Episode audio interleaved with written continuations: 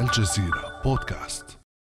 حريات حريات حريات حريات حريات التعليمات حريات حريات التعليمات حريات حريات لقضاء التعليمات حريات حريات التعليمات حريات حريات لا لقضاء التعليمات.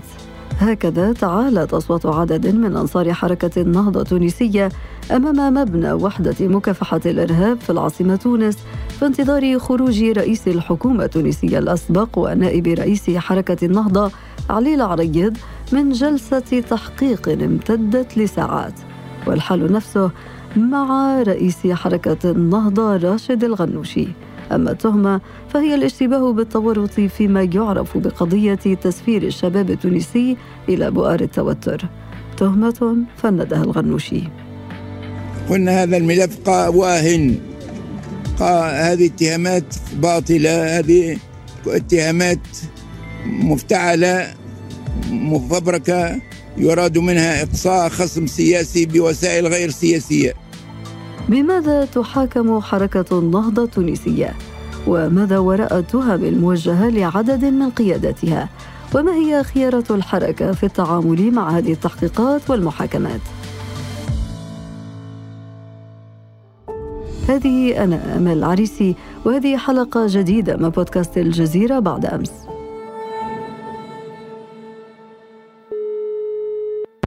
أرحب في هذه الحلقة برئيس الحكومة التونسية الأسبق ونائب رئيس حركة النهضة التونسية الأستاذ علي العريض.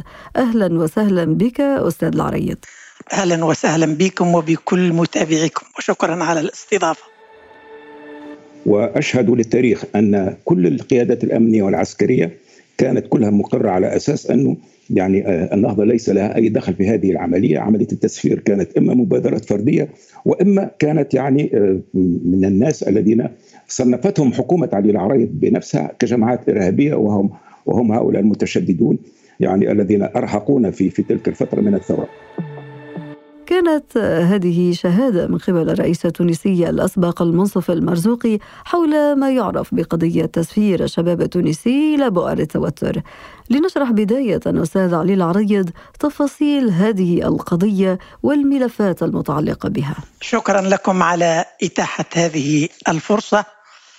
أنا كما تعلمون أحترم القضاء التونسي وأحترم نواميس الدولة التونسية ومع احترامي لسرية التحقيق الذي ما زال جاريا فإني يمكن أن أرد وأوضح خاصة بعد الحملات التي استهدفت النهضة من وسائل إعلام مؤدلجة هي أذرع لأحزاب أو منظمات أو شخصيات تناصب النهضة العداء وتبحث عن استئصالها. هؤلاء أرادوا أن أن يحمل النهضة مسؤولية سفر عدد من الشباب إلى بؤر التوتر لكن هذا هذا السفر لبعض الشباب الذين يقولون بأنهم سافروا باش يقروا أو باش يبحثوا عن شغل أو باش ماشيين للسياحة أو ماشيين لعائلاتهم هذا انطلق هو حتى قبل الثورة كان حاصلا تم ذهاب للعراق والأفغانستان والغيرها من البقاع. وبعد الثورة أيضا استم... كان موجودا من 14 جام في تاريخ انتصار الثورة وما زال البعض جاريا إلى الآن. لكن اختيرت النهضة لتلبيسها عملية التسفير رغم أنها حكمت أو قادت الحكومة لمدة سنتين فقط.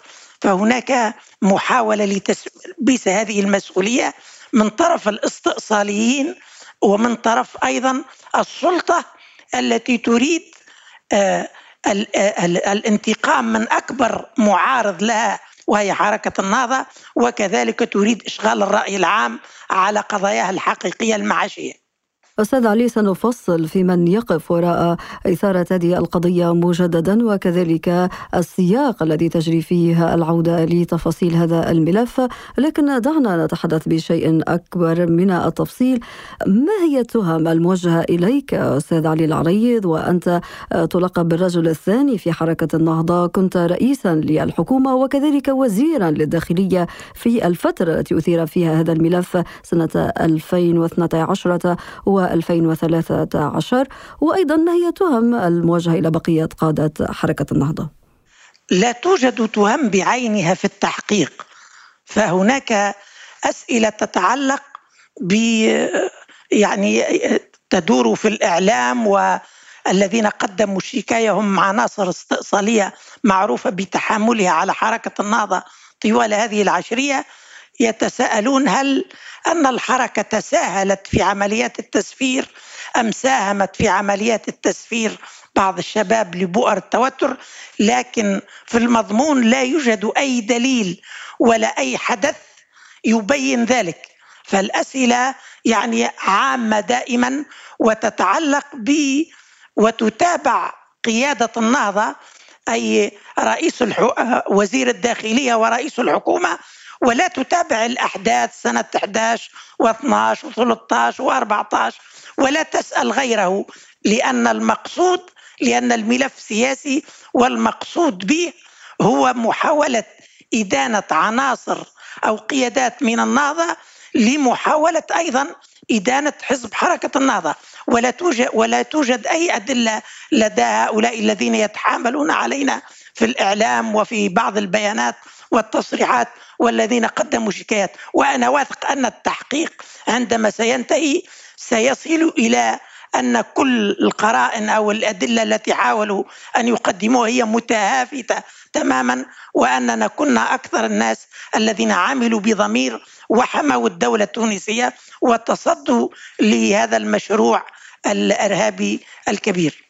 جميل. طيب كيف تعاملتم أستاذ علي العريض مع هذا التهديد الإرهابي وهذه الجماعات الإرهابية التي عانت منها البلاد التونسية في تلك الفترة؟ ونذكر أيضا كما قلنا أنت كنت على رأس وزارة الداخلية وهناك مسار قضائي الآن انطلق ولكن هناك من يحملكم مسؤولية سياسية أستاذ علي العريض؟ نعم كان اولا الإرهابيون كانوا موجودون موجودين قبل الثورة وبعدها.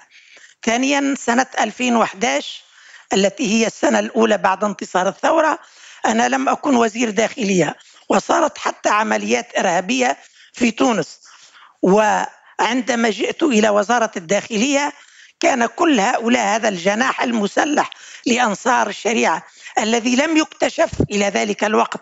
وأنا أول من اكتشفه في جام في 2012 أي ثلاثة أسابيع بعد دخولي لوزارة الداخلية كانوا ما زالوا يرتعون في البلاد طولا وعرضا. وبالتالي بدأت بأن قمت بخطة لمعرفة هياكل هذا التنظيم وقياداته وتمويله وخططه وعلاقاته وأمكن بعد أشهر أن نفكك هذه القضية وأن نبدأ بالإيقافات والإحالات على القضاء وأن نهيئ المؤسسة الأمنية التي كانت ما زالت خارجة مرهقة من الثورة بعد أن آه، آه، أحرقت مقراتها وضربت إلى حد ما في معنوياتها. كنا بصدد تأهيلها لمعركة أعلنت على أنها ستقع من شهر مارس 2012 أي قبل ثلاثة قبل انتهاء ثلاثة أشهر على دخولي للداخلية. قلت إن هناك معركة قادمة وإنه سيكون فيها ضحايا ولا بد أن نستعد لها وهيأت المؤسسة الأمنية بالمعلومات والوسائل. ثم دخلنا في هذه الحرب في الصائفة صائفة 12 دون الإعلان عنها. ولا توجد أي خطة لمواجهة هذا التطرف قبل قبل دخولي للداخلية وتخليت عنها. كل ما كان موجود وهو قليل حافظت عليه ثم أضفت إليه ما كنت ذكرته لك من إعداد المؤسسة الأمنية وتفكيك الخطة وتفكيك الجناح وإيجاد المعلومات والدخول في هذه الحرب مع هذا الجناح المسلح. على وجه التحديد. ولكن ألا تعتقد أستاذ علي العريض أن إثارة هذه القضية هي في حد ذاتها فرصة لكشف الحقيقة وما تحدثت عنها. آه، حضرتك من أنه تم التعامل مع هذا الملف وضبط خطة في سياقه؟ من هذه الناحية وأشكرك على هذا السؤال من هذه الناحية فعلا نعم. ولذلك أنا أجد نفسي مرتاحا تماما والنهضة تجد نفسها مرتاحة تماما في أدلة وقرائن الدفاع عن نفسها وعن براءتها بل وعن وطنيتها بينما يمارس الآخرون التحامل ولا يريدون أن أن يعودوا إلى ما سيقرره القضاء وحتى المحاولات السابقة. كلها باءت بالفشل. حاولوا أن يحملون مسؤوليات اغتيالات إلى آخره وكلها سقطت أمام القضاء. لكن أمام أذرعهم الإعلامية ومواقفهم السياسية في بياناتهم فما زالوا لا يتورعون عن محاولة تشويه النهضة كما قلت لأنها أكبر طرف ولأنها أكبر معارض للانقلاب الذي حصل في تونس. ولذلك السلطة تلتقي معهم في الهدف وهو إضعاف النهضة ومحاولة تشويهها بكل التهم. من هؤلاء الذين تقصدهم أستاذ علي العريض يتحملون يحاولون إضعاف النهضة؟ الآن نحن نتحدث عن قضية منشورة أمام القضاء أستاذ علي العريض وتقف وراءها أيضا عائلات وليس فقط خصوم سياسيين. هؤلاء هم الذين تقدموا بعضهم تقدم بالشكاية وهم معروفون في طوال العشر سنوات بسب النهضة واستخدامها وحوكموا حتى في قضايا تزييف قضايا يعني نشر أخبار زائفة.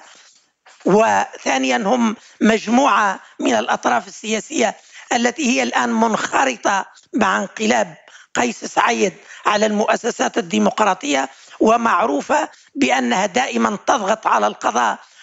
ثالثا أذرعهم الإعلامية هم يسيطرون على مجموعة من وسائل الإعلام ويوظفونها للتشويه والكيد والأكاذيب منذ عشر سنوات وإلى حد الآن القضاء في كل قضية يبين أن كل ما قالوه هو متهافت ولا صحة له والنهضة واثقة في نفسها في أنها عملت بضمير وحمت الدولة وواجهت بصرامه ولكن في إطار القانون الذين مارسوا الإرهاب وما زالوا يتربصون بالتجربة الديمقراطية التونسية. أستاذ علي العريض حركة النهضة في بيان على أثر التحقيقات التي جرت معك ومع عدد من قيادات النهضة وفي مقدمتهم رئيس الحركة راشد الغنوشي قالت أن الهدف من هذه المحاكمات هو إلهاء الرأي العام التونسي عن الأزمة الاقتصادية الخانقة وكذلك الأزمة السياسية المستمرة منذ الخامس والعشرين من يوليو 2021 لكن في المقابل وعلى أرض الواقع. أستاذ علي العريض هناك أحزاب سياسية مؤيدة لهذه الخيارات التي انتهجها رئيس الدولة قيس سعيد وأيضا جزء من الشعب التونسي يحمل حركة النهضة المسؤولية عن سوء الأوضاع التي وصلت إليها البلاد. كيف تفسر أستاذ علي العريض الدعم الذي مازال يحظى به قيس سعيد إلى حدود اليوم؟ فعلا البلاد في أزمة اقتصادية واجتماعية عميقة جدا وتتعمق يوما بعد يوم.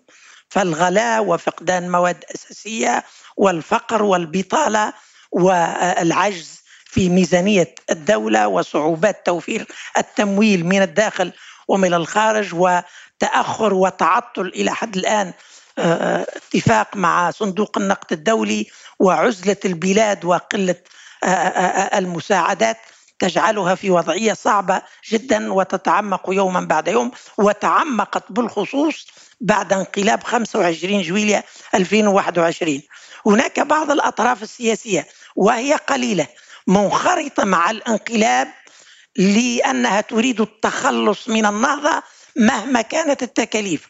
وتبين بعد هذا الانقلاب أن هناك أزمة ديمقراطية في جزء لا بأس به من النخب حيث صارت الديمقراطية عندها انتقائية أو لنقل هي قشرة أو هي طبقة خفيفة جدا ولذلك رغم انقلاب قيس على مؤسسات الدولة وعلى الديمقراطية وتركيز حكم فردي ودستور آه، آه، لا شعبي ولا ديمقراطي ومع ذلك نكالا في النهضة وتصديا لها ومحاولة لإقصائها وتصفيتها تابعوه.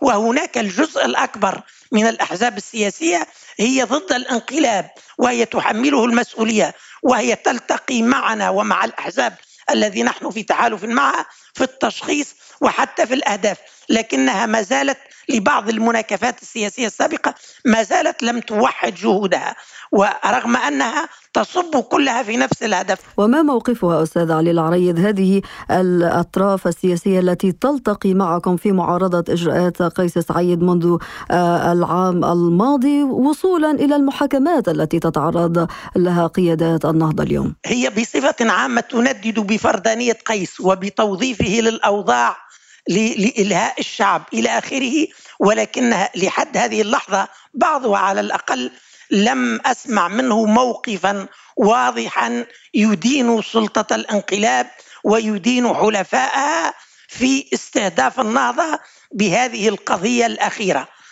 ما زالوا ما زالت المناكفات السابقة للانقلاب ما زالت مسيطرة عليهم لكنهم ليسوا مع الانقلاب. يقولون هذا في بعض التصريحات وينقدون توظيفه وانفراديته ويعني آه، أنه قاصر ودفع البلاد إلى أزمة كبيرة جدا عميقة. لكن ما صدروش مواقف لحد اللحظة أنا أقول ما صدروش مواقف صارمة تناصرني وتناصر حركة النهضة في الاستهداف الذي تتعرض إليه. ولم يكونوا طبعا مع السلطة. هل لذلك علاقة في عدم إصدار مثل هذه المواقف التي ربما تترقبها النهضة من مؤيديها على مستوى معارضة الانقلاب هل هذا مرتبط بعدم آه، إجراء حركة النهضة لمراجعات للأخطاء التي أوصلت المسار الديمقراطي في تونس إلى ما وصل إليه اليوم؟ الحقيقة أن المناكفات السياسية التي سبقت الانقلاب والتي تلت حتى الانقلاب وإن كانت خفت إلى حد كبير بعد سنة من الانقلاب ما زال لها دور وتأثير في مواقف هذه الأحزاب. عندما نتحدث معهم على انفراد يعني يعطوننا الحق ويناصروننا إلى آخره ولكنهم لا يجرؤون على قول ذلك في بيانات رسمية. فهم يكتفون بانتقاد السلطة والتصدي لها وأنه انقلاب وأنها المسؤولة على أزمة البلاد إلى آخره. وطبعا يحملون ما يسمونه المنظومة السابقة أي حركة النهضة وكثير من الأحزاب بما فيها قيس لأنه هو أيضا كان موجودا رئيسا قبل الانقلاب يحملونها مسؤولية ما وصلنا إليه إلى حدود الانقلاب ويحم وبتلخيص ما كنا في أزمة قبل الانقلاب فصرنا في كارثة تتعمق يوم بعد يوم بعد الانقلاب. لكن يعني التقارب قاعد يحصل بشكل تدريجي وكما ذكرت لك وهذا رأيي الخاص هناك أزمة قيم ديمقراطية عند جزء من النخبة حيث الديمقراطية فيها انتقاء وهي أيضا ليست دائما معناها كيف كما يقولون deux poids deux mesures معناها ليست دائما مضطردة. فهناك أحيانا آه، آه، آه، تغليب للمناكفات السياسية على حساب القيم الديمقراطية وهي تتدرج نحو التخلص من هذا العداء السابق أو من هذه المواقف المستحكمة آه، عندهم خاصة تجاه حركة النهضة. بما أننا نتحدث عن المناخ السياسي وأنت تبدو متفائلا أستاذ علي العريض بأن هذه الأحزاب ربما ستلتقي في جبهة موحدة معينة. تونس الآن بعد إعلان القانون الانتخابي الجديد واقتراب موعد الانتخابات التشريعية المقررة في 17 من ديسمبر. كيف ترى حركة النهضة هذا الاستحقاق الانتخابي القادم خاصة وأنها لم تحسم موقفها بعد من المقاطعة أو المشاركة فيها؟ نحن أعلنا كحركة نهضة أننا لسنا معنيين بالمشاركة في هذا الذي سمي انتخابات تشريعية في 17 ديسمبر القادم. وشرحنا أسباب ذلك وهي تعود إلى أن الدستور الذي جاء نتيجة استفتاء لا نعتبره شرعي وأن وأنها آه، هذه انتخابات لتضيف شرعية أو تكسب شرعية محاولة لإضفاء شرعية على الانقلاب وأن الهيئة المشرفة على على الانتخابات غير محايدة ومتحكم فيها من قبل قيس سعيد وأن المناخ كله ليس هو مناخ انتخابات وأن بالتالي نحن كنا وكنا واضحين وكنا لسنا معنيين بالمشاركة. وجبهة الخلاص الوطني أصدرت بيانات في الغرض ونحن جزء منها. قلت أستاذ علي العريض أن الحركة ليست معنية بالمشاركة في هذه الانتخابات ولكن الحركة في مثل الإسحاقات الانتخابية السابقة دفعت ببعض القيادات من الصفوف الخلفية كما يقال لخوض الانتخابات. هل هذا وارد في الانتخابات المقبلة؟ لا هذا ليس واردا ونحن كنا شاركنا في الانتخابات باسمنا وبوجوه مكشوفة وبقياداتنا الجهوية والمركزية وإطاراتنا المختلفة وقواعدنا وقائمات باسم الحزب. والقانون الانتخابي نفسه أو الذي صدر في مرسوم هو قانون لا ديمقراطي وهو لا لا يساعد اطلاقا على انتخابات يعني آه، تشريعية ممثلة حقيقة للشعب. فهذه كلها عملية لإكساء انقلاب قيس بعضا من المشروعية. ولذلك كل الأحزاب لا أقول كل جل الأحزاب التي لها وجود فعلي حقيقي قاطعت هذه الانتخابات. ولم يعد للمقاطعة معنى لأن المقاطعة تعني أنه حزب له قائمات في كامل البلاد، القانون الانتخابي لا يسمح بهذا، اصبحت لذلك قلت لسنا معنيين بالمشاركة وبالتالي آه، يعني آه، نحن يعني حوالي 15 حزب. كل من له وجود حقيقي فعلي. قلة هم الذين ذهبوا مع الانقلاب منذ البداية وما زالوا يصفقون له وسيشاركون على حد ما قالوا ولكنهم بدأوا في انتقاد قيس سعيد وفي انتقاد ممارساته ونتائج انقلابها الكارثية التي حصلت في خلال هذا العام وشهر أو عام وشهرين.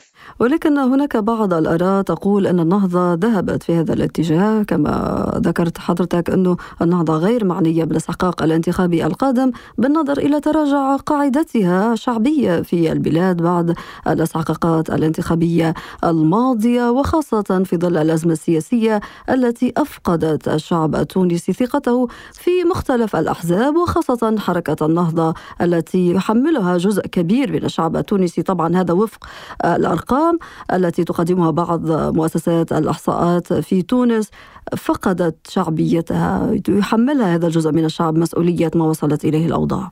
بالنسبة لاستطلاعات الرأي العام التي تجري والتي ليست لنا ثقة كبيرة فيها ولكن يمكن على كل حال اعتمادها كمؤشرات فإن كل استطلاعات الرأي التي جرت تجعل حركة النهضة إما في المرتبة الأولى أو في المرتبة الثانية. رغم انحصار شعبية كل الأحزاب بما في ذلك النهضة فهناك ضربة وجهت للأحزاب السياسية والتنظيمات السياسية بفعل الشعبوية التي يمارسها قيس وبفعل حملاته على كل التنظيمات ووصفه للمعارضين بالخونة والجراثيم والحيوانات وكل ذلك المعجم الذي برع فيه مع الأسف في وهو في موقع رئيس الدولة وكان عليه أن يتجنب كل هذه التقسيمات وهذا الاحتقان. قلت أن حركة النهضة هي أكبر حزب أو ثاني حزب من حيث الشعبية وهي أكبر حزب وبلا منازع من حيث امتدادها في كامل البلاد ومن حيث هيكلتها ومن حيث تاريخها ومن حيث رصيدها ومن حيث أيضا أن وفاء جزء من قاعدتها وفاء دائما لها. وبالتالي معناها في موضوع الانتخابات لو تخوض هي انتخابات فبالتأكيد لا يمكن أن ينافسها أحد في هذا الموضوع. في مثل هذه الأوضاع وبهذا القانون الانتخابي البائس الذي يمكن إما من له مال كثير وإلا من له تنظيم عريق وواسع وله قاعدة ثابتة له. وهذا متوفر في النهضة. لكننا مسؤولون على ديمقراطية بلد ولسنا نمارس انتهازية لاستغلال ظرف أو قانون أو انقلاب لأن نكون في مجلس ليس له دور وهو تابع مجلس نواب الشعب. هذا الذي سيفرز يعني حتى بالقانون هو لا دور له لأن النظام هو نظام فردي مطلق. وهناك مشروع لقيس يريد أن يطبقه وفي كلمة البلاد ذاهبة سياسيا. إلى مزيد التعمق في الأزمة واقتصاديا معناها إلى تراجع كبير وأزمة عميقة وماليا إلى ما يشبه الإفلاس واجتماعيا إلى إمكانية انتفاضات. نسأل الله أن تتمكن البلاد من تدارك أمرها قبل فوات الأوان. هذا السيناريو المأساوي الذي استشرفته لمستقبل البلاد في ظل كل هذه الأوضاع. أستاذ علي العريض ولو أنك كنت متفائل على مستوى المشهد الحزبي ولكنك متشائم على مستوى مستقبل البلاد. نتساءل هنا أي مستقبل لحركه النهضة في ظل القضايا والتحقيقات الجارية مع أكبر قياداتها؟ وكذلك مستقبل النهضة بحكم أنها حاليا هي مقاطعة قاطعة للعملية السياسية والعملية السياسية مستمرة. رئيس الدولة مستمر في برنامجه وفي مشروعه السياسي. نعم مشروع قيس قيس سعيد مستمر والفرز في الساحة أيضا مستمر. من مع هذا المشروع ومن ضده؟ والهجرة قوية من مسانديه نحو أن يصبحوا ضده في داخل البلاد كما في خارجها. هو في عزلة ووضع بلادنا في عزلة مع الأسف في عزلة دولية وهو في عزلة داخلية. قلة قليلة جدا من الأحزاب من ما زال معه وينتقده وكثيرون كانوا معه وخرجوا لأنهم تأكدوا بأنه قاصر على قيادة البلاد وبأن ما سمي مشروعه هو حقيقة يمثل خطرا حقيقيا وهو الخطر الجاثم على على بلادنا. والنهضه ستواصل دفاعها على نفسها وبالخصوص وهذه أولويتها ستواصل التصدي للانقلاب والعمل مع مثيلاتها من أجل إعادة الديمقراطية أي آه، أن تصبح بلادنا مجددا لها مؤسسات ديمقراطية مفرزة حقيقة ولها دستور حقيقي. هو دستور 2014 ولها قيادة حقيقية ولها حكومة إنقاذ وطني ذات صلاحيات وذات شرعية كبيرة ولها علاقات شراكة مع الدول. بالتالي سنواصل النضال ضد هذا الانقلاب من أجل إنقاذ البلاد منه. ومن الأزمة الخانقة التي دفعنا إليها مع كثير من الآخرين. وحتى المعارضة كما ذكرت هي لها تشخيصات متقاربة جدا وكلها آه، متجهة نحو الضغط على الانقلاب والتصدي إليه. ويمكن التنسيق أو وحدة الصف هذا يكون أفضل. ولكن حتى وآمل أن يحصل ذلك. وحتى ولكن حتى إذا ما لم يحصل فإن أن أن أن نتجه أن يكون لنا نفس الهدف ونتحرك ضد نفس الخصم فهذا إيجابي جدا. يعني كما تقول أو كما يقول أحدهم سابقا on frappe ensemble et on marche séparé ما فيه مشكل إذا كانت هذه وجهة نظرك أستاذ علي العريض أستغل وجودك في هذه الحلقة التي ناقشنا فيها القضايا المتعلقة بالنهضة مستقبلها وكذلك مستقبل المسار السياسي في البلاد في ظل إقبال تونس على انتخابات تشريعية كما ذكرنا في السابع عشر من ديسمبر. أستغل وجودك لأسألك سؤال مهم أثير في هذه الفترة الأخيرة وهي أن الحركات الإسلامية التي وصلت إلى السلطة أثبتت أنها غير قادرة. على أن تحكم. ما تعليقك على ذلك؟ في بعض هذا في بعض هذه هذا الاستنتاج فيه جزء من الصحة. فهناك آه، وضع جديد بالنسبة للحركات الإسلامية عندما تنتقل من المحاصرة أو الملاحقة أو الاستئصال مثل ما كانت عليه حركة النهضة تنتقل مباشرة إلى قيادة السلطة أو المشاركة فيها. فلا شك هذه نقلة كبيرة نوعية تحدث بعض الارتباك وتأخذ بعض الوقت حتى آه، آه، تكتسب الخبرة.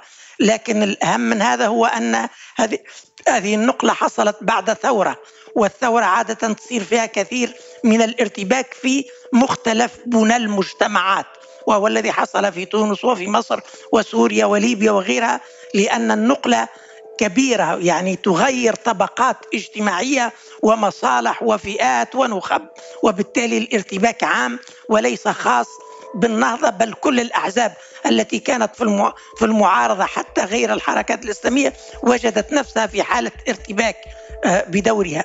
و آه، آه، لكن أيضا يجب تنسيب هذا الاستنتاج لأن المحاصرة كبيرة جدا لأن المحاصرة كبيرة جدا. من طرف كثير من الأعداء في الداخل والخارج مع الأسف. الأستاذ علي العريض رئيس الحكومة الأسبق ونائب رئيس حركة النهضة التونسية شكرا جزيلا لك. شكرا لكم وإلى اللقاء. كان هذا بعد أمس.